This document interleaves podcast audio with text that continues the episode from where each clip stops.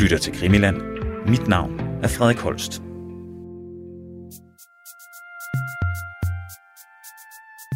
Velkommen til denne uges udgave af Krimilands sommerserie, hvor vi hen over sommeren går tilbage og tager nogle af de tidligere emner op igen i et forsøg på at komme med ny viden, mens vi samtidig ikke får sat de nye lyttere helt af. Og det gør vi i en serie, vi kalder for Palme Genbesøgt. For vores faste ekspert, historiker Anders Aarhus, har nemlig fundet nye ting frem om den efterforskning, der fulgte i kølvandet på mordet på Olof Palme tilbage den 28. februar 1986. Vi har tidligere været omkring flere af de områder, som vi undrede os over i vores åbningsafsnit. Og i den her uge, så er vi nået til at kigge nærmere på nogle af de mistænkte, eller nærmere betegnet de alene agerende gerningsmænd, i et afsnit, som vi kalder for de aleneagerende gerningsmænd. Men inden vi starter på gennemgangen af de forskellige mistænkte, så har Anders lige en betragtning i forhold til, at vi her bruger ordet aleneagerende i stedet for oversættelsen ensom gerningsmand, som ellers har været brugt flere steder, når man taler om mistænkte for mordet.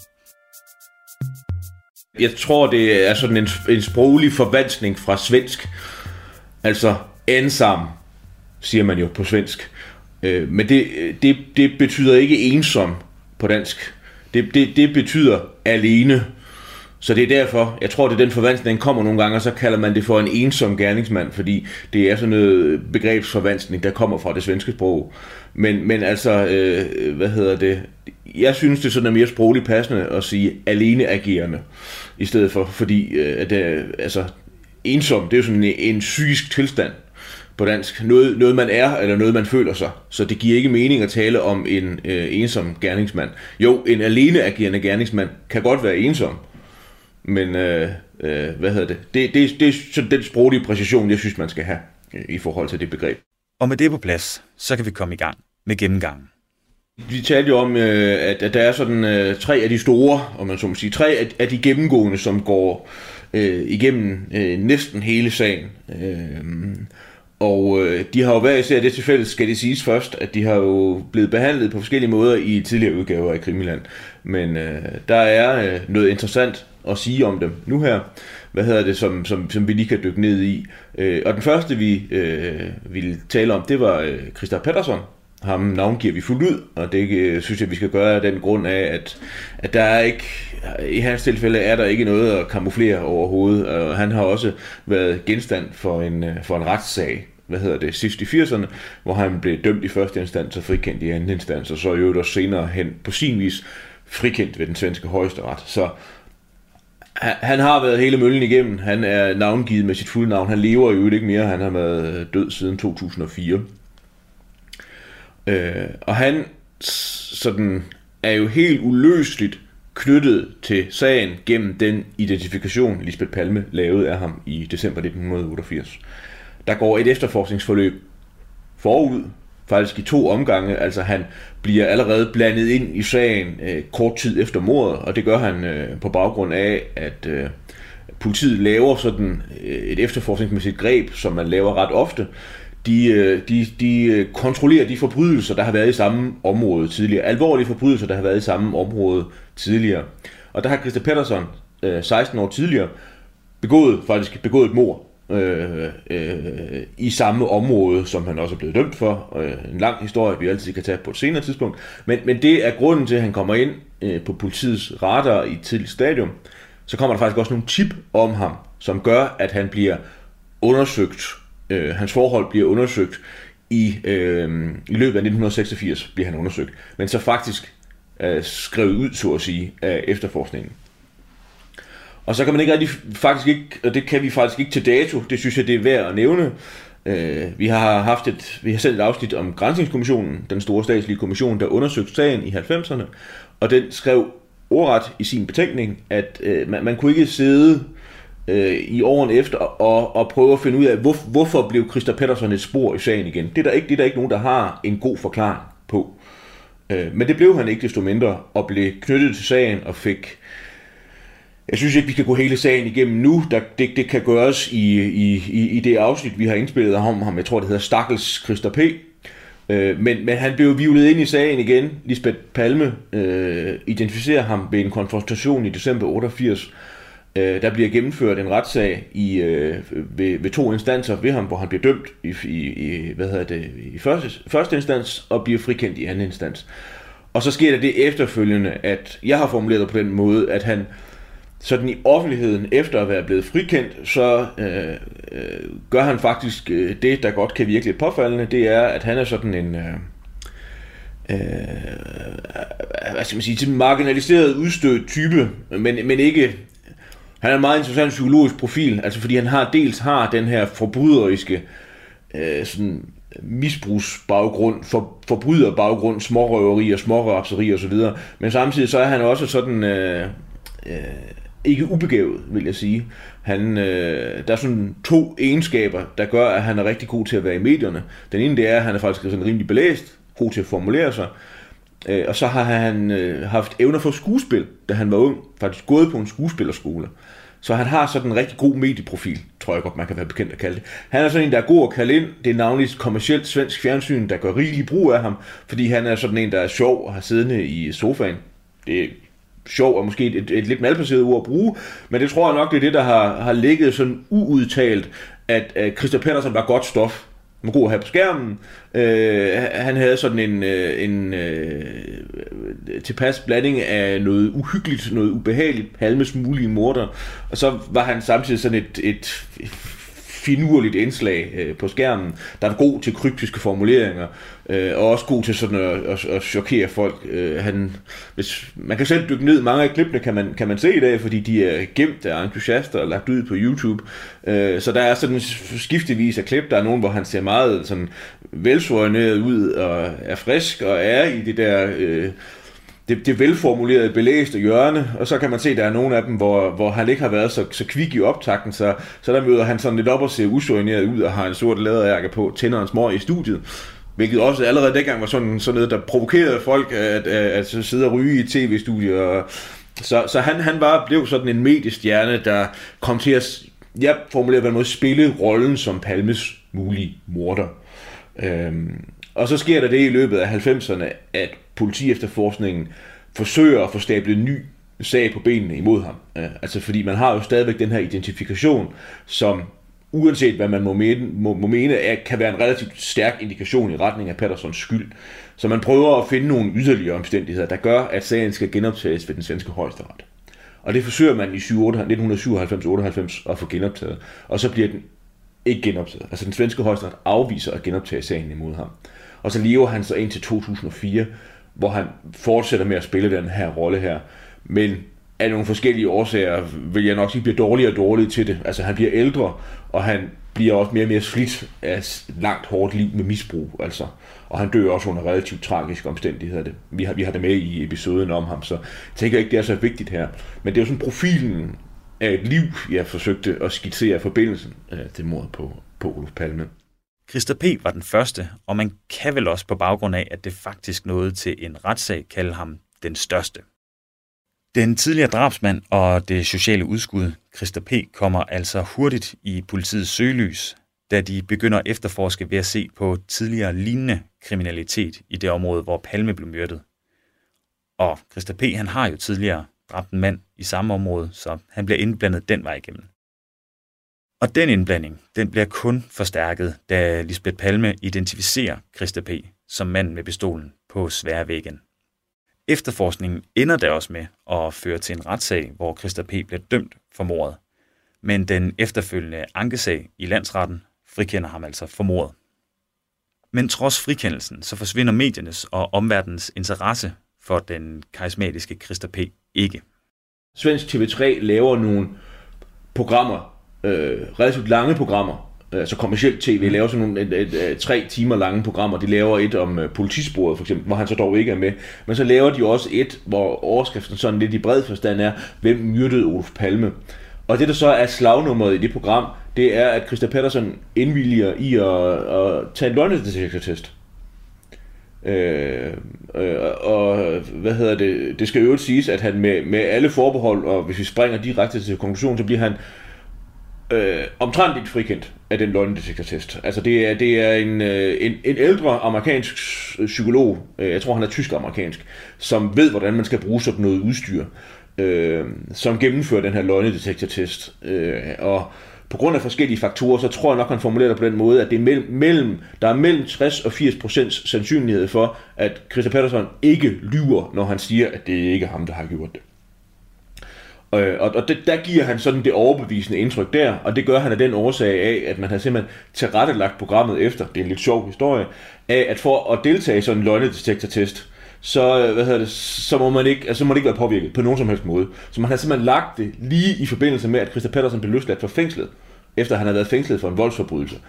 Øh, så da han kom ud, så kunne man, dengang kunne man være rimelig sikker på, at folk ikke kunne tage stoffer i fængslet for nu at sige det lige ud. Så han, han, han kom ud, og så, jeg ved ikke, om det helt præcis gik til sådan, men, men man kørte mere eller mindre hen, hen og hentede ham direkte, og så blev han anbragt i et filmstudie. Øh, og der kan man også se, der sidder han og giver sådan et, et, et, et sådan øh, veludvilet, kvikt opvagt indtryk, og han sidder og samtaler sådan lidt på skoletysk med ham der, den der tyske amerikanske psykolog. Så det er også en meget sjov detalje, man kan sidde og se.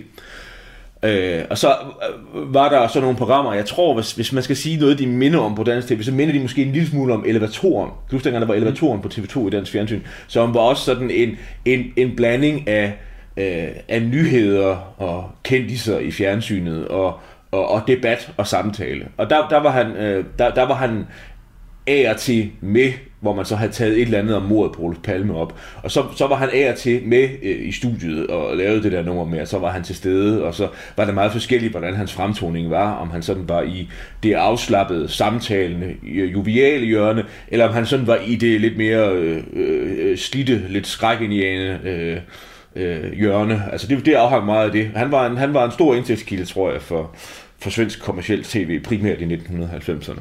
Så når man kan fornøje sig med at sidde og se mange af klippene. Gennem 90'erne deltog den frikendte Christa P. i talrige fjernsynsprogrammer i rollen som Olof Palmes morder, eller i hvert fald som den mistænkte for mordet. I et af de mange programmer, som han er med i i den periode, så deltager han også i en løgnedetektortest, som i øvrigt også viser hans uskyld. Det er et klip, vi selvfølgelig nok skal sørge for et link til.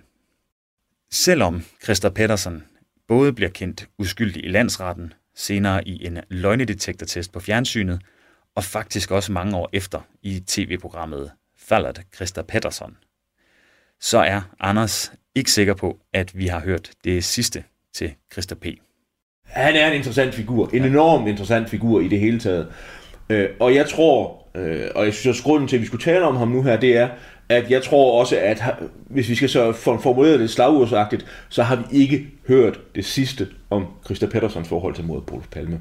Det tror jeg ikke på hans øh, konjunktur har været kraftigt for nedadgående. Øh, stort set øh, alt afhængig af, hvor, hvor ens betragtelsesmåde er.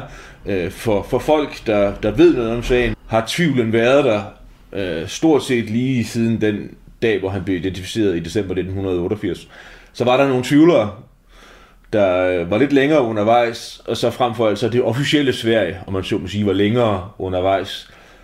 Det spiller en relativt stor rolle, at svensk tv i tror 2018 lavede en øh, dokumentarserie, der også har været vist på dansk fjernsyn, øh, Fallet Christa Pettersson, sagen Christa Pettersson, tror jeg den hedder på dansk, som er sådan en, øh, hvad skal vi kalde det, en meget, synes jeg, en journalistisk afkræftelse af, at det kunne have, kunne have været Christa Pettersson.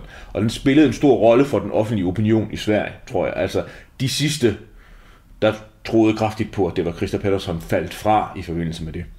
Men, og nu kommer forudsigelsen, det er, at det tror jeg, det kommer til at ændre sig over tid. Den offentlige interesse for palmemordet er jo usvækket. Folk synes stadigvæk, at den er spændende, heldigvis. Det er derfor, du og jeg, vi sidder her. Præcis. Øh, det er stadigvæk en spændende sag, øh, og der er et stort materiale at gå til. Og det er der også om Christa Pettersson. Og det er derfor, jeg tror, at øh, hvis jeg skal komme med sådan en meget direkte forudsigelse, så tror jeg i løbet af, hvad ved jeg, de næste fem år, syv år, nu må vi se, hvor længe der går, der skal nok komme en lang, tung bog på et tidspunkt om Christian Pettersson. En bred fremstilling af hans forbindelse til mordet på Olof Palme, men jeg tror også, at den udsigelse kommer til at være, at det i overvejende grad var sandsynligt, at det var ham. Fordi du kan, du kan finde noget, du kan finde noget i politiets meget righoldige efterforskningsmateriale, som vil kunne pege i den retning. Noget kryptisk, noget vi har glemt, øh, hvis jeg skal komme med et bud på noget, jeg tror mange folk har glemt for eksempel, så var det mange af de indikationer, der kom fra familien Palme selv. Der er sådan nogle forskellige bemærkninger, vi, vi ved, familien har, har ytret. Øh, vi, vi ved, ud over Lisbeth Palmes identifikation, som der var meget tvivl om, så øh, ved vi, familien har talt har talt om, og det er kommet ud til offentlighedens kendskab, som sagt, jeg tror bare, det vil være glemt i dag, fordi det står langt inde i nogle relativt tunge andre bøger, at øh, Lisbeth Palme har ringet til folk og sagt, der er ingen tvivl, vi kan sove roligt om natten nu. Politiet har fundet den rigtige mand. Øh, så der, der, der er masser af stort og småt at, at tage fat i. Det, jeg tror, folk primært kommer til at tage fat i, det er de meget rigeholdige afhøringer, der er lavet af folk i, i, folk, øh, i Christa Pattersons bekendtskabskreds. Han kendte Gud og hver mand i øh, sådan lidt lurvede kredse der i de Stockholmsforstillede, hvor han, hvor han boede. Der var masser af folk, der blev blev spurgt om hans, hans profil. Noget af det, der blev diskuteret for eksempel, det var om, mm, at det, det er blevet anført som en kritikpunkt mod Christa Pettersson, at han aldrig nogensinde havde begået en forbrydelse, hvor han havde brugt et våben før, et håndvåben. Han brugte altid stikvåben, bajonetter, knive, eller næverne, eller hvad der nu lige var for hånden, men han, han brugte aldrig skydevåben. Der er også nogle af dem, det ved vi i dag, fordi jeg har læst nogle af de der rapporter der, der er nogle af dem, der er mindre kategoriske i deres bedømmelse af Christa Pedersen end det. Der er ikke nogen, der siger, at, øh, at de har set ham bruge et håndvåben. Men det, de siger, det er, det kan han sagtens have gjort. Det kan han have lært sig. Han kendte folk, der havde adgang til skydevåben. Hvis han skulle så hvis, hvis det var nødvendigt for, at han ville gennemføre sit kriminelle forhold, så kunne han sagtens bruge et, øh, et håndvåben. Så der er masser af store små indikationer. Så jeg tror, ham har vi ikke kørt det sidste til, så han skal nok blive ved med at være interessant. Det tror jeg helt afgjort på. Altså, man, man, man, man, frem for alt så, øh, materialet er der, men han har også den altså, psykologiske... Den, han, han, han har den psykologiske... Han har morderprofilen, for at sige det lige ud. Og det her har han jo den årsag, at han havde myrdet et andet menneske før. Det tror jeg også kommer til at være sådan en psykologisk effekt, man kommer til at tage frem igen. Det er, at man har undervurderet det farlige aspekt ved Christa Patterson. Han var en mere alvorlig forbryder, end, end, end, end folk husker, eller nogen folk siger. Så det, det tror jeg også er en dynamik, der kommer til at, at gøre sig gældende. Og med Christa P. på plads, så bevæger vi os videre til den næste alene agerende gerningsmand i den her gennemgang, Christa A. Og Christa A. han kommer i politiets søgelys, da man begynder at efterforske morvåbnet. Christa A. det var, det var, det, det, det var der meget, øh, hvad hedder det, var jo meget specielt i nogle år. En speciel omstændighed, at man gik fra Christa P. til Christa A. Og ham har vi jo også, der er også øh, i Krimiland tidligere, er der et rigtig godt og grundigt afsnit, som øh, Anders Christiansen og jeg lavede om Christa Andersen Hvor grundlaget var det, at øh, vi havde lige fået, og det var jo det, der var nyt og spændende på det tidspunkt. Det er stadigvæk nyt og spændende, men dengang var det meget nyt og meget spændende, at vi havde fået rapporterne med, øh, hvad hedder det, ganske vist i overstreget stand, men, øh, men have fået rapporterne med afhøringerne af uh, Christa A. selv, Christa A's bror, Christa A's mor, og øh, hvad hedder det, formanden i en øh, sådan en skytteklub, hvor han færdedes i. Øh, så for første gang så fik vi mulighed for at gå direkte til materialet øh, og prøve at bedømme øh, Christa A's øh, hvad skal vi kalde det, sådan hele vejen rundt. Altså hans, hans forudsætningerne for, at han muligvis kunne være Palmes morder. Christa A's, sådan historien kort om ham, det er jo, at han bliver blandet ind i sagen, fordi han er, er registreret indehaver af sådan en revolver af den type, som Palme formentlig, eller med stor sikkerhed blev myrdet med. Sådan et, et, et kraftigt Smith Wesson revolver. Politiet sender nogle breve ud til de registrerede indehaver og beder dem om at møde frem og vise deres revolver sammen frem, så den kan blive prøveskudt. Og det gør Christa A. ikke. Han får nogle øh, rykker, og så hold nu fast, man skal desværre helt frem til 1994, otte år efter mordet, før at man får tid til at begynde at gå den her liste efter, og kan konstatere, at der mangler en herre, en indehaver og sådan et våben, som vi nok måske skulle kigge lidt nærmere på. Og det var så Christa A., der der 93-94 begyndte at blive vivlet ind i sagen. Og, øh, og, og så skal man jo så med en del års forsinkelse, skal man begynde at, at efterforske ham. Øh, først og fremmest så selvfølgelig hans, hans revolver, og det der med hans revolver, da man så får fat i ham i 94, så siger han, den har jeg ikke mere. Øh, den har jeg solgt. I, han fik præciseret det til 1992, og han kom med synes jeg den dag i dag en forklaring, der ikke var specielt god. Han sagde, at han havde været en tur ind i Stockholms øh, midtby, øh, og i forbindelse med, tror jeg nok, han havde siddet på en beværtning eller en fortogscafé, så havde han øh, truffet en herre, der øh, først forsøgte at sælge ham, øh, han sagde sådan lidt kryptisk, noget, det var formentlig narkotika, han mente, og så da det blev klart, at Christa A. ikke ville købe narkotika, så faldt de to herrer sådan mere eller mindre i snak, og så for nu, der er et par mellemregninger. Men det, det ender med, at Christa siger, det er, at jeg solgte min revolver kontant til en mig ubekendt person på det her tidspunkt. Så derfor har jeg den ikke mere. Og det er jo en speciel forklaring. Det, det, det lyder usand, altså det, det lyder som noget, man, det lyder som noget, man vil finde på. Så, så hvis du er den registrerede indehaver af, af et våben, så, så tror jeg, det forekommer meget sjældent, at du sælger den til folk på gaden. Hvis du vil sælge den, så sørger du for at få bragt papirerne i orden. Du øh, involverer en, en professionel våbenhandler eller et eller andet andet. Fordi man må nok have en eller anden form for forhåndsformodning om, at en person, der er interesseret i anonymt at overtage et våben, Øh, har nok ikke, for et eller andet. Kan nok, kan godt nok, vil nok bruge den til kriminelle formål, dybest set. Og så vil det selvfølgelig være et problem, når man er den lovlige, registrerede indehaver af et våben. Hvis det våben så bliver brugt til ubehageligheder, så fører sporet jo tilbage til en selv. Men det var ikke desto mindre, hvad Christa A. sagde. Øh, og så blev der jo først med nogle års forlængelse iværksat en omfattende efterforskning af, hvem han var. Øh, og, og der dukkede sådan nogle omstændigheder op, der kunne tyde på, at han kunne være indblandet i mordet på Olof Palme, for nu at sige det lige ud. Det var mest løse indikationer, som der så er blevet arbejdet en del på senere hen, udfoldet, udfoldet nogle teorier. Uh, vi taler meget om det i det afsnit af Kriminal, hvad det nogle er for nogle forskellige nogen, men det drejer sig primært om Christa A's økonomiske, private økonomiske forhold. Altså, uh, han havde vundet en stor spilgevinst i uh, øh, 1980, som han forsøgte at leve af afkastet af. Øh, og i dagene omkring, hvor Olof Palme blev myrdet, der fordoblede den svenske regering omsætningsafgiften på aktiehandel. Hvilket man fandt ud af, at Christa A. udmærket godt kunne huske, og bestemt ikke var tilfreds med. Så man fandt jo antydningen til et motiv, altså et økonomisk motiv. Øh, øh, og man fandt også ud af nogle forskellige ting om Christa A.'s sådan, øh, psykologiske profil.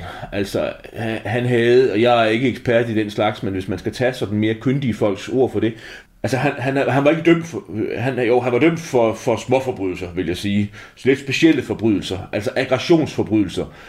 Ikke voldskriminalitet, ikke overfald, men altså, øh, hvad hedder det, han var blandt andet dømt for, at øh, han havde sparket en nabos hund i forbindelse med sådan et, et, et nabo-strids naboballade. Ja, man skal jo nok forestille sig, at han har glædet over, naboens hund øh, gøede og larmede for meget, øh, og, og det, det, det var han er dømt for at have gjort. Men han var ikke sådan en, der ligesom Christa Pedersen havde sådan en langt øh, register over forbrydelser, han havde begået. Det er også lidt sjovt, du nævner det her med hunden, fordi altså, når, når man tænker på af, det, det, det første afsæt øh, til Krimiland med Anders, der vil lave en, øh, hvis, hvis de... Øh, hvis trofaste lytter kan huske det, så var afsættet, at man ville lave en fiktionsserie. Og det her med at sparke en hund, det er altid et, hvis der er nogen, der sparker eller skyder en hund i en film, så er de altid de onde. Altså, det er altid skurken. Så det er, det er så man kan godt forstå, at, at, at det leder en i hvert fald, det, at det, eller at det kan være en, en, en ting, der leder en til at tro noget om en person. Ja, altså, han havde, Christer A. havde sådan nogle antydninger af, at han på overfladen var øh, en, en rolig enspændertype. Altså han var ikke, der var bred enighed om, at han, han, han var sådan en enspænder. Ikke socialt anlagt, han havde ikke en stor omgangskreds, han havde ikke nogen familie. Han gik op i ting og ikke mennesker. Øh, men så var der så nogle antydninger under overfladen af, at der knyttede sig noget aggression til den her enspænder natur her. Øh, aggression på baggrund af, af forskellige ting. En, en ting kunne være sådan noget øh, impuls, øh, svag impulskontrol, øh, som for eksempel det vi taler om at sparke den her hund her, men også øh, vi talte i afsnittet øh, i Krimland om, sådan en, jeg kaldte det for en fixeringsnatur. Altså at, at Christa A havde det med sådan øh, på forskellige vis sådan at, at, at blive sådan abnormt optaget af ting og forsvinde fra sine omgivelser. Et af de mest kendte, som også er en indikation i en retning af palmemordet, det var, at han frekventerede sådan en, en café, der lå øh, skråt over for gerningsstedet. Mm.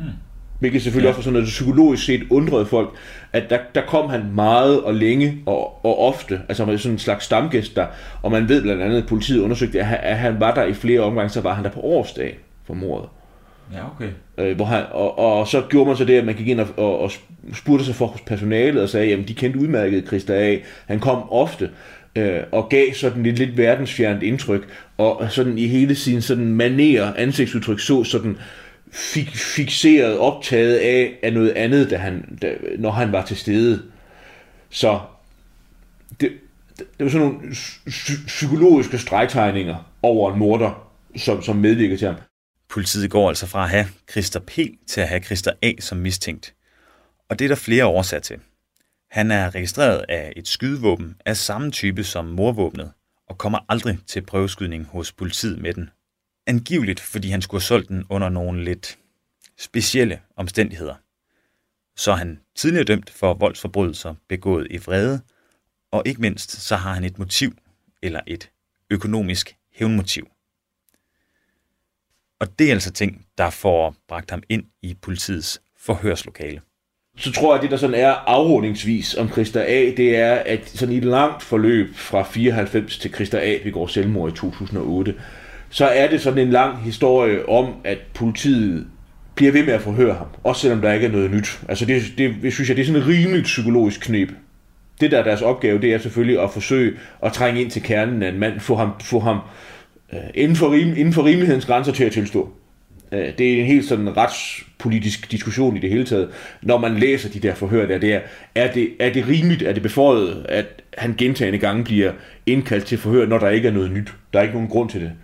Øh, på et tidspunkt i en af de forhør er der en polititjenestemand, der siger direkte til ham, at øh, læg nu bare kort med bordet. Fortæl det nu. Øh, og, og der bliver faktisk også sagt direkte, at vi kommer, vi kommer til at gøre det her med jævne mellemrum i løbet af de kommende år, hvad enten du kan lide det eller ej. Øh, så, så altså, politiefterforskningen forsøgte, det er mit begreb, det er ikke så hårdt, som vi skal de forsøgte at knække Christa Andersen. Det synes jeg godt, man kan være bekendt at sige. Nu sagde, ja, det er vel sagde en, en, en kendt, øh, og, øh, i hvert fald, det, det er i hvert fald, nu har jeg ikke selv øh, helt så meget indsigt i, hvordan politiarbejde øh, foregår, men jeg synes fra film øh, og andre, hvad hedder det, sådan øh, populærkultur, så, så virker det i hvert fald til, at det være mærkeligt, hvis det var grebet ud af den blå luft, at man altså kører lange forhør, gentagende forhør, lange forhør igen, og, altså igen og igen og igen, ja. for ligesom en, og enten få folk til at lave fodfejl i deres forklaringer, eller simpelthen for at, at trætte dem, og så de til sidst ikke kan lyve længere. Ja, altså hvis jeg skal være en ja. lille smule grov, så, så hvis, hvis, man, hvis man er uskyldig og ender i samme situation, som Christa A. gør, så er det enormt ubehageligt. Det tror jeg godt, de fleste ja. af os skal sætte, sætte os ind i, at det vil vi selv synes var ubehageligt, og noget, der mindede om et retsstatsligt overgreb. Men jeg tror også, hvis man skal forsøge at, sådan at, at se sig selv sådan helt uafhængig af det, så tror jeg også i mange tilfælde, at vi skal være glade for, at det er en psykologisk metode, som politiet bruger, fordi ellers så vil politiets opklaringsprocent i mor sådan i al almindelighed falde. Hvis man, ikke, hvis man ikke gjorde det, hvis man ikke brugte det knep over for mulige morder, så vil antallet af øh, dømte morder falde. Ja, det, det, er min, det er min opfattelse øh, som, i, i forhold til det. Christa A. fastholder altså sin uskyld gennem de gentagende forhør. En uskyld, som han fastholder hele vejen op til sin død. Og det er faktisk også først efter sin død, han går fra bare at være i politiets søgelys til også at komme i offentlighedens. Men, men altså, Christa A. lever jo ikke mere. Øh, han døde i 2008, og han døde faktisk før, at øh, sådan medieopmærksomheden om ham blev øh, be, be, bestærk, heldigvis. Mm. Altså, han, han indgår i Grænsningskommissionens betænkning. Der er fem sider information om, om øh, hvad politi efterforskningen var nået frem til indtil 1999. Så øh, mens han levede, havde der været nogle øh, avisskriverier om ham. Øh, nogle lidt forvirrede i øvrigt, fordi han, han, han hed et meget normalt navn. Så, så der var simpelthen en avis, der kom til at ringe til et forkert Christa A. Øh, og øh, interviewe ham, og der kom en helt spalte med en anden mand end den Christa A. Det var meget underligt, men, men lidt, lidt, lidt et sidespor. Og så skete, skete der så det, at, øh, at, øh, at opmærksomheden om Christa A voksede efter hans død. Det lykkedes at få identificeret ham, hvem han er, hvem, hvem han var og hvad hans navn var. Og så begyndte der sådan drøbvis at komme flere og flere oplysninger frem om ham. Men han er jo hinsides vores verden i dag, så, så vi kan ikke, han kan ikke blive kaldt ind til nye forhør i hvert fald. Vi har et, øh, et materiale, og nu har vi også haft adgang til ganske vist overstreget udgaver af forhørene. Og det, jeg synes, der er ved at sige sådan sammenfatningsvis, men også perspektiverende ved den her lejlighed, det er, at øh, øh, for det første er jeg, øh, altså, øh, er jeg spændt på, hvor mange der har hørt det afsnit af Krimiland, vi lavede i sin tid, for jeg synes, det er et rigtig godt afsnit, og der bliver vi der kommer nogle interessante korrektiver frem gennem rapporterne om, hvad vi ved om Christer A. Øh, en, jeg synes, der er særligt er værd at nævne, det er primært forholdet omkring hans selvmord. At det, det man, man, man troede, så at sige, før, det, der har været i forskellige fremstillinger om Christer A., pegede i retning af, at øh, hans øh, begik et spontant selvmord. Altså, det der sker dybest set. Skal vi lige referere det? Ja, lad os gøre det. Jeg skal forsøge at gøre det så kort som muligt. Altså, øh, Øh, ja, hvor, hvor kort kan vi nu gøre det? Det er så svært. Er det ikke, altså hvis man skal gøre det helt kort, så er det var broren, der ikke har hørt fra ham. Hans bror har ikke hørt fra ham. Han, han øh, er nervøs for, øh, for hans, øh, hans liv, eller han er nervøs for ham. Mm-hmm. Øh, og, fordi som du fortalte mig det, så er det, at broren er nervøs, tilkaldt siger, jeg kan ikke få fat i min bror til, til politiet, kan I tage ud og kigge til ham? Politiet kommer ud, og så den historie, der, øh, der jo, hvad hedder det, fremlagt de fleste steder, det er, at politiet nærmest banker, banker på, og så lige umiddelbart efter, de siger, det er politiet, så skyder han sig selv. Men det er ikke sådan der. Det er altså, ikke sådan der. Det, det, det, er, det er rigtigt, øh, alt du siger. Det, det der er interessant øh, i forhold til det, det er, at der er en, øh, en ekstra faktor, vi ikke har fået opklaret endnu. Det kan man se ud af rapporterne. Det er, at politiet møder ikke frem på baggrund direkte af brugerens henvendelse. De møder frem på baggrund af, at der er nogen, der har ringet til alarmcentralen. Og det ved vi nu ikke, hvem det er. Øh, det finder vi nok ud af på et tidspunkt, hvem det her er, der har tilkaldt politiet. Fordi Christer A's selvmord foregår i nattetimerne. Så øh, det, det, det må være nogen, vi gætter bare nu, jeg gætter, jeg gætter på, hvem det er. Det kan have været nogen i hans opgang. Der kan have været underlige lyde derindefra, eller hvad det nu kan have været. Han kan have råbt og skrejet, eller truet, eller hvad han nu har gjort. Men det er i hvert fald ikke, det er rigtigt nok, at brugeren underretter politiet. Men det er ikke i forlængelse af, at han tager kontakt til politiet, og de tager ud. Det er i forlængelse af et opkald til alarmcentralen. Det kan man se i rapporterne. Og det skal de have kastet noget mere lys over. Og så er det fuldstændig rigtigt, som du siger, at øh, ifølge politiets rapport, så går der et længere tidsrum, så vidt jeg husker, et kvarter eller 20 minutter. Hvis man vil have det præciseret, så kan man lytte til afsnittet af Grimland. Der taler Anders Christiansen og jeg om det. Fra der bliver banket på, indtil skuddene falder øh, eller skuddet, altså selvmordsskuddet falder. Og det, det der er det hovedsagelige, det, det er, det peger væk, at, væk fra det spontane selvmord. Altså han må have foretaget sig noget i det kvarter eller 20 minutter. Vi finder nok aldrig ud af, hvad det er. Men, men øh, den der effekt, der har været i retning af, at selvmordet var spontant, der blev banket på døren, Christa A. bliver bange, skyder sig selv på stedet. Det stemmer ikke.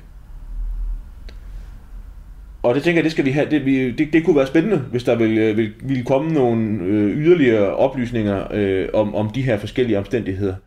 Den gængse fortælling af Christa A's selvmord holder altså ikke helt stik med politiets fakta. Det kan du høre nærmere om i det tidligere Palme-afsnit af Krimiland, og det er episode 44, Christa Andersson, og det blev sendt den 1. september 2020. Og for at runde Christa Andersen så er der faktisk kommet nye ting frem om det påståede salg af revolveren. Afslutningsvis så vil jeg nævne, og det synes jeg også hører til, det er, at der er kommet noget nyt frem, siden vi indspillede afsnittet. Det skal jeg sige, det er ikke noget, jeg selv har gravet frem, men det er noget, som gode svenske kræfter har gravet frem ved hjælp af de muligheder, som teknologien giver os. Og det, der er sket, det er, at der er en del svenske aviser, der bliver digitaliseret, og de bliver det, der hedder OCR-digitaliseret. Det vil sige, at man kan søge i digitaliserede udgaver af aviserne. Og det, der er nogle gave svenske folk, der har gjort, de har fundet Christa A's telefonnummer. Og så har de søgt på Christa A's telefonnummer i aviserne, og det, de har fundet, det er, at de har fundet øh, sådan nogle køber salg annoncer Der har de fundet hans telefonnummer. Og der har de fundet ud af, at i det tidsrum, hvor Christa A. hævdede, at han solgte sin revolver på grund af økonomiske vanskeligheder, der solgte han også flere af sine andre ejendele. Christa A. havde været velhavende, havde en spilgevinst, havde kunnet leve af det, så han havde investeret i øh, dyrt udstyr, dyrt kameraudstyr, fotoudstyr osv. Og der kan man simpelthen se i køb- og salgsbalterne i Stockholms aviser i, øh, i 92, at der var annoncer fra Christa A. via telefonnummer, hvor han solgte ejendele. Og det ændrer stadigvæk ikke ved, at forklaringerne om salget af revolveren er øh, dårlige, for nu at sige det ud. Ja, ja. Det er en dårlig forklaring, men, men, men Christa A's grundforklaring til, hvorfor han gjorde det, har vi fået opklaret, den stemmer. Han var i alvorlige økonomiske vanskeligheder, og han solgte i øvrigt ud af sine ejendele i øh, årene der øh, 91, 92, 93. Det kan vi se. Jamen altså, det, må man, det, altså, det sandsynliggør jo, som du siger, at han taler sandt om, at han har solgt nogle af sine ting, og også at det ikke lige pludselig ikke så påfaldende, at han sælger sin revolver, når han også sælger alt muligt andet, der kan have en, der kan have en værdi. Mm. Øhm, og man kan så stadigvæk sige, at den måde, han gør det på, er ikke så... Altså, det, det, det kan stadigvæk godt slå en lille fli af fortællingen, eller man kan i hvert fald godt være forsigtig ved det. Men fortællingen om, han, i hvert fald i mine øjne, øh, sælger revolveren, fordi han mangler penge, blev jo sandsynligt gjort af det. Skal, hvis jeg skal være så lidt for mig til præmisserne stemmer. Ja, Altså, de årsager, Christa A. angav for, at han gjorde, som han gjorde, dem, dem kan man øh, få, øh, skal vi kalde det, omstændighedsbekræftet ved nogle oplysninger, der ikke har været kendt tidligere. Øh, så det er jeg selvfølgelig også spændt på. Det her det er jo noget, der har flor- floreret i svenske podcaster og svenske netmedier. Øh, det er spæ- jeg, jeg, hvis, hvis jeg skal fortsætte i samme skure som med Christa Pettersson, så synes jeg også, det er spændende, om der på et tidspunkt kommer en, øh, en bog om øh, Christa A's forhold til mordet på Olof Palme. Fra, øh, fra svensk hold vil det være i praksis. Der øh, hvad hedder det så? Det skal blive interessant. Vi har nok heller ikke kørt det sidste til ham. nej. Lige en, en sidste ting med Christa A. Kan du huske, hvad jeg synes, jeg har set i stedet, kan du huske beløbet, han, han siger, han, øh, er det mig, der har husker altså, ud af den blå luft, beløbet han får for revolveren, er det, kan det passe til 5.000? Eller er det mig, der hiver et, altså er det mig, der husker Jeg kan Tror jeg, jeg har læst desværre, noget, desværre ikke jeg huske, huske beløbene. Det, det, jeg kan huske om beløbene, det er, at der er en modsætningsforhold imellem, hvad han sælger den for, og hvad han ville kunne have fået den for. Altså, noget af det politiet efterforskningen gør, for at forsøge at efterprøve Christa A's påstand, det er, at de konsulterer en våbenhandler. Ja. Og spørger, hvad, hvad kunne man få for et, øh, et, øh, et våben af den type? Og så, øh, hvad hedder det, kan jeg ikke huske det eksakte beløb, men, men våbenhandlerens vurdering ligger under det beløb, som Christa A. anfører, han fik for revolveren. Ja, okay. Der tænker jeg så, altså det, det gør det jo en smule sparet, men, men omvendt, når man så tænker over den måde, han har afhændet den på, at den, hvad kan man sige, service, at den ikke bliver meldt, at der ikke bliver meldt øh, skift eller ejerskifte på den, og ny indregistrering, kunne den ikke være, øh, hvis man spekulerer, kunne den ikke være et eller andet værd for en, for en Jo, hvis kriminel man type? skal sætte sig ind i kriminelle kredses ja. virksomhed, så jo, altså det er jo, er, er jo det, det, vil det for den kriminelle være det samme som at anskaffe sig et, øh, hvad hedder det, ulicenseret våben. Ja. Altså man, man anskaffer sig i hvert fald våben, som man ved ikke kan spores til en selv. Øh, og det øh, vil nok sådan med kriminelles værdiansættelse øge værdien øh, af våben. Øh, Men det er jo så, det er vel lidt spekulation fra vores Ja, side. det er spekulation fra Ja. vores side af. Det er interessant, at der er blevet af den revolver her. Vi, vi kunne se afrundingsvis sådan referere, at, at øh, og det er på rent på rygtebasis. Men jeg synes, det er interessant alligevel, det er, at, at Christa A. boede en stor del af sit liv i øh, et, øh, et hus på landet uden for Stockholm, nær en sø. Øh, Øh, og, og der har gået vedholdende rygter om, at øh, der var entusiaster i Sverige, der ville skillinge sammen til, at det ville blive muligt at få undersøgt den sø, der ligger ikke ret langt fra, hvor han boede. Øh, fordi det er også en anden mistanke, der har været, det er, at han ikke har solgt våbnet, men øh, han kan have haft motiver til at skille sig af med revolveren på anden måde. Altså det, og det ene motiv, hvis vi lige skal skære det ud i pap, det er jo naturligvis, hvis han var morderen, det andet motiv er, hvis han følte jorden brænde under sig. Altså hvis han var- uskyldig, men ønskede at skaffe sig af med våbnet alligevel, så uanset hvad, så kan det være en af de to bevæggrunde, der har gjort, at han har kastet den revolver i den sø. Og det tror jeg igen, øh, det, det, det er sådan, tror jeg, sådan en urmotiv inden for, for, for, for, når man skal lave sådan nogle kriminelle skændringer, at vand skjuler alt. Ja. Ja. Hvem, hvem dykker en sø igennem for at finde en revolver? Det er der så måske nogen, der ja. gør. Og om rygtet om de private kræfter, der har i sinde om at tømme søen ved Christer A's bolig er sandt, ja, det vil tiden vise. Og med den cliffhanger, ja, så bevæger vi os videre til den usandsynlige morder og den sidste mistænkte, altså Stig E. Og så er det lige vigtigt at nævne, at når vi taler om Christer Pettersson herfra i programmet, så er det altså Christer med K, altså chefanklager og efterforskningsleder i Palme-efterforskningen. Jeg synes, vi skal navngive ham fuldt ud. Det er ved at blive mindre og mindre kontroversielt. Stig Engstrøm, Skandiamanden, har vi også drøftet øh, tidligere. Og er jo en af dem, der har utrolig meget fokus om øh, i de seneste år, må man nok sige, øh, på baggrund af forskellige forhold. Øh, det oprindelige forhold, det knytter sig jo til sådan en journalistisk undersøgelse, altså først en, en tidsskriftsartikel, og så senere hen en øh, bog, Den usandsynlige morder, sidder med den i hånden her, det kan lytterne ikke se, øhm, og så selvfølgelig øh, hele det øh, punktum, som øh, politiefterforskningen satte i 2020, hvor de jo ved et pressemøde øh, øh, meget kort fortalt jo også ud, udpegede, hvis vi nu skal overtage termen, så, eller ændre lidt på termen, så udpegede de Stig Engstrøm som den sandsynlige morder. Øh, hvis, han, han lever ikke mere. Øh, han øh, begik selvmord for, øh, ja, det er jo efterhånden været mange år siden i 2000, så vidt jeg husker, øh, begik han selvmord, så, så øh, hvad hedder det, man, man udpegede jo en, øh, en afdød mand, som, hvis jeg skal komme med sådan en sammenfattende formulering, så det, øh, hvad hedder det, chefanklageren og efterforskningslederen sagde, hvis han havde levet i dag, så ville det være ham, vi havde øh, indkaldt til nogle skarpe forhør og forsøgt, om vi ikke kunne få stablet en retssag på benene imod. Men nu er han jo så ikke i den verden her mere. Og Stig Engstrøm øh, har mange forbindelser til mordet på Olof Palme. Øh, og de, de er, er mindre sammenhængende sådan i tid. De er adskilte i tid, fordi der er forskellige forløb. Han bliver blandet tidligt ind i sagen, meget tidligt endda.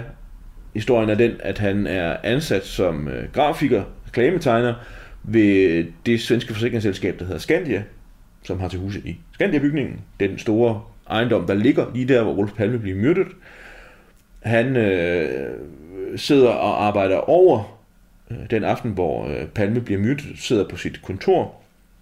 Og øh, hvis vi skal tage, jeg, jeg synes det, det bedste er at tage, hvad Stig Engstrøm selv fortalte først om sin egen forhævner. Og det han siger, han gør, det er, at han forlader sit kontor, går ned og støbler ud, går ud på gaden, går op ad Sværvæggen og ender mere eller mindre midt i det hele, midt i mordet, øh, dybest set, øh, og bliver af den vej blandet ind i mordet på Olof Palme. Dels som et vidne, men han siger også relativt tidligt, dels som en person, der er en forvekslingsmulighed i forhold til gerningsmanden, og der er forvekslingsmuligheden den, at øh, ifølge Stig Engstrøms eget udsagn, så på et tidspunkt efter mordet, øh, så, øh, hvordan skal man udtrykke det, øh, løber han ind af samme gade, som morderen er flygtet af, og så oplever han selv, at der kan være en mulighed for, at han gennem det, det løb ind af tunnelgatteren, den korte løbetur, kan være blevet forvekslet af nogle andre af de tilstedeværende med morderen muligvis. Og så løber der et relativt langt forløb, hvor han bliver øh, afhørt øh, som vidne, og allerede på det tidspunkt er der nogen, der øh, begynder at tænke, om Stig Engstrøm har rent mel i posen, om det han fortæller, det nu kan stemme eller ej. Og så ryger han, ryger han i går sådan egentlig ud af efterforskningen i 1987, øh, er sådan en, der, der findes i, i kredse, der ved noget om Olof Palme. Han har været i fjernsynet, øh, træder frem i medierne, øh, er øh, indkaldt ved retssagen mod Christa Pettersson, Øh, så, så han er sådan en, der er i offentlighedens søgelys, og man ved godt, der er noget med hans historie, der er noget med det tidspunkt, hvor han forlader bygningen øh, på. Der er en dør i Skandia-bygningen, en bagdør, der står åben indtil et par minutter efter mordet. Der er sådan forskellige byggestene i nogle mulige mistanker mod Stig Ekstrøm.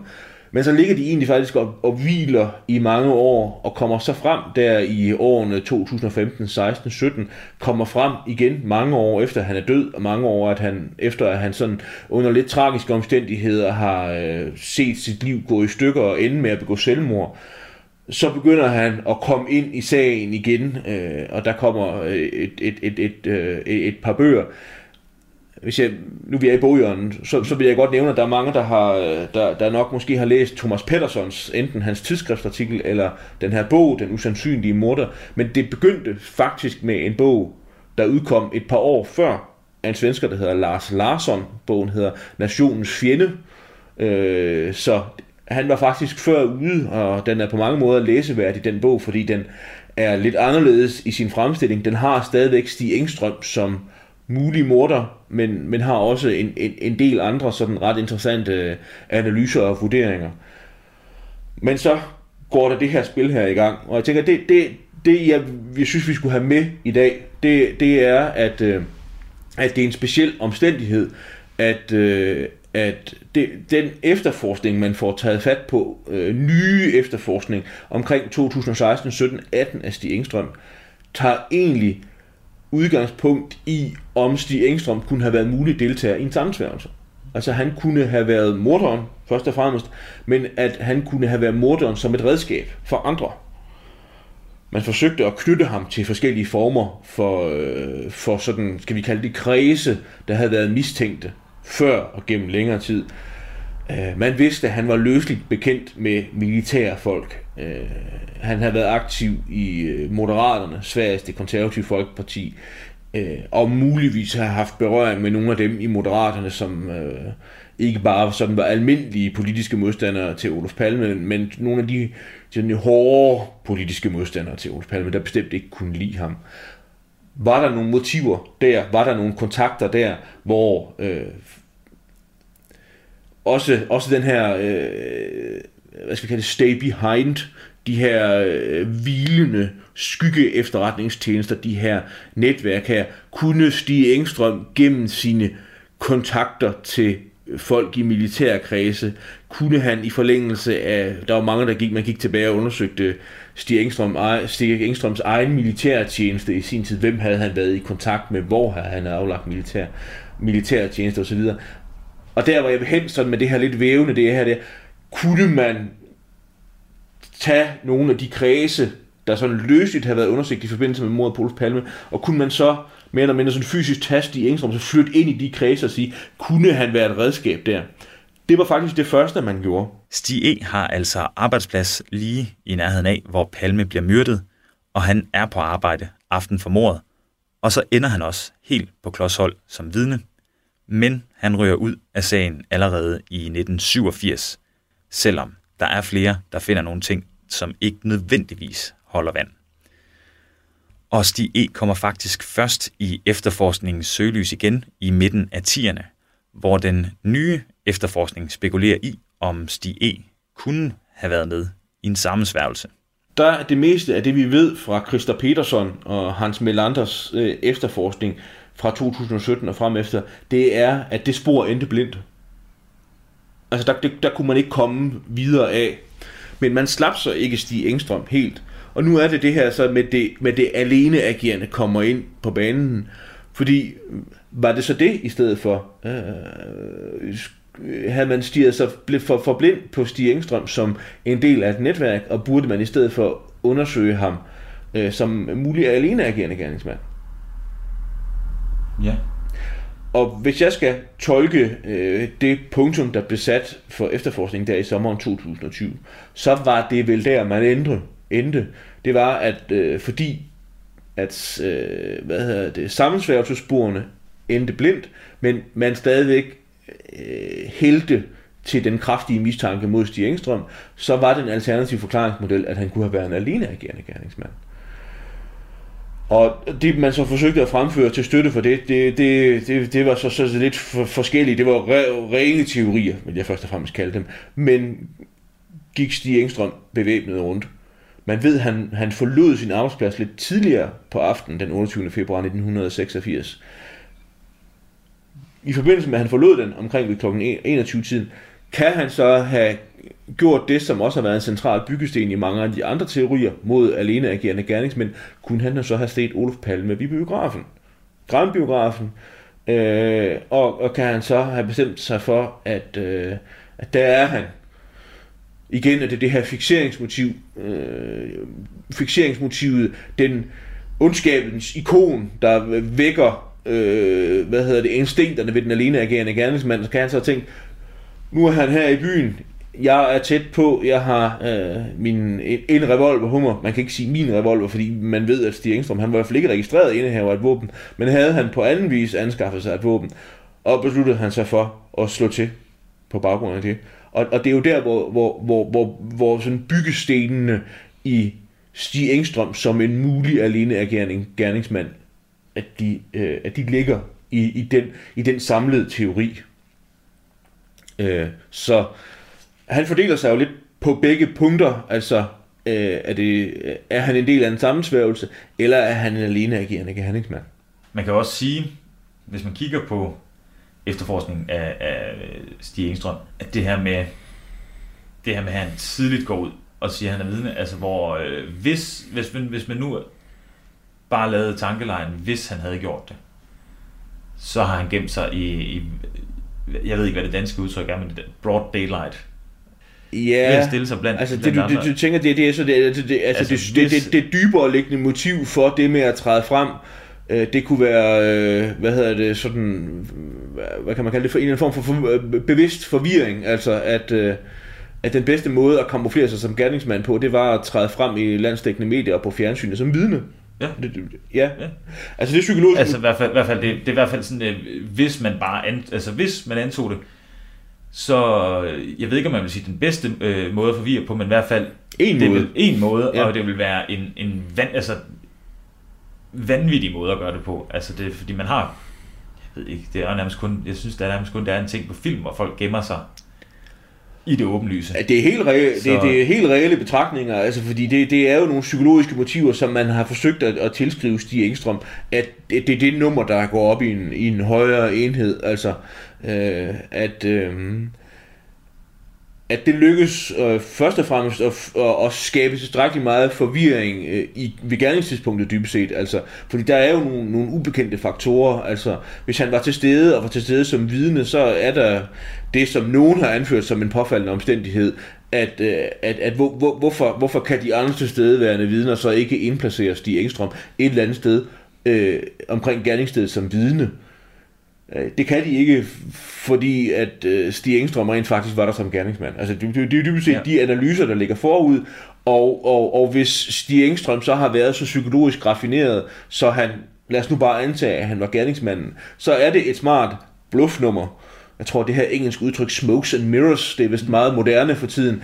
Altså, øh, er, det så, er det så muligt øh, gennem, gennem forvirring og, og, og så bulre på i dagene efter, sørge for at komme, komme, komme ind i aviserne og blive iscenesat som et vidne, og så til med gennem nogle af de kontakter, øh, Stig Engstrøm havde. Øh, han havde arbejdet, jeg kan ikke huske, om det var ved svensk tv eller svensk radio, men altså han havde, med vi mere eller mindre, forudsætningerne, mediekontakterne for også at kunne komme i svensk fjernsyn.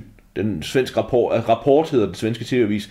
Jeg tror, hvis man øh, hekser lidt med internettet, så kan man finde klippet. Det har ligget på YouTube, hvor, hvor man kan se, at han kommer ind i, øh, i, i nyhederne og får, om man så må sige, lanceret den her historie med det oversete vidne vidnet politiet ikke vil tage alvorligt. Og jeg tror også, der så til gengæld også er, nu vi er så lidt ved det psykologiske, det klip, jeg tror, har gjort indtryk på rigtig mange, hvor han, hvor han jo løber ind af, af tunnelgarteren, altså ind af morderens flugtvej, som jeg tror har virket meget sådan, øh, hvad skal vi kalde det, inciterende øh, øh, på nogen. Altså, at her ser man øh, en, øh, en mand i lang mørk overfrakke løbe spændstigt ind øh, ind øh, ind ad tunnelgatteren. Øh, jeg tror, det har virket, virket meget forbløffende på nogen at, at, at, at, at se det, og virkede psykologisk i den retning af, at der var et eller andet ved, ved Stig Engstrøm, som, øh, som det var nødvendigt at få undersøgt nærmere. Øh, så, så det tror jeg, det er nogle, øh, nogle af de motiver, der har været, øh, dels fra hans egen side, men også de samme motiver har skabt den fornyede interesse for ham. Sporet til en potentiel sammensværgelse ender altså blindt, men man flytter ham over i teorien om den aleneagerende gerningsmand. Og ligesom med Christer P. og Christer A., så har vi altså tidligere også behandlet Stig E. Så hvis du vil høre mere om Stig E. eller Skandiamanden, så kan du finde episoderne 33, 36 og 61, som alle er sendt i løbet af 2020. Det var, hvad vi havde plads til i denne uges udgave af Krimilands sommerserie, hvor vi vender tilbage til tidligere dele af efterforskningen af mordet på Olof Palme og forsøger at tilføje nye detaljer. Mit navn er Frederik Holst, jeg er din vært, og jeg har som altid fået hjælp af historiker Anders Aarhus. Links til klip eller dokumenter, dem kan du finde enten i show notes eller også i vores samling på Facebook-siden, og den hedder krimiland Radio 4. Og hvis du har lyst til at dykke ned i nogle af de tidligere episoder om palmemordet, så kan hele serien findes på radio4.dk eller i vores app, hvor serien om Estonia-forliset og serien Æderkom og min morfar også kan findes. Krimiland er produceret af Wingman Media for Radio 4. Tak for i dag. Tak fordi du lyttede med.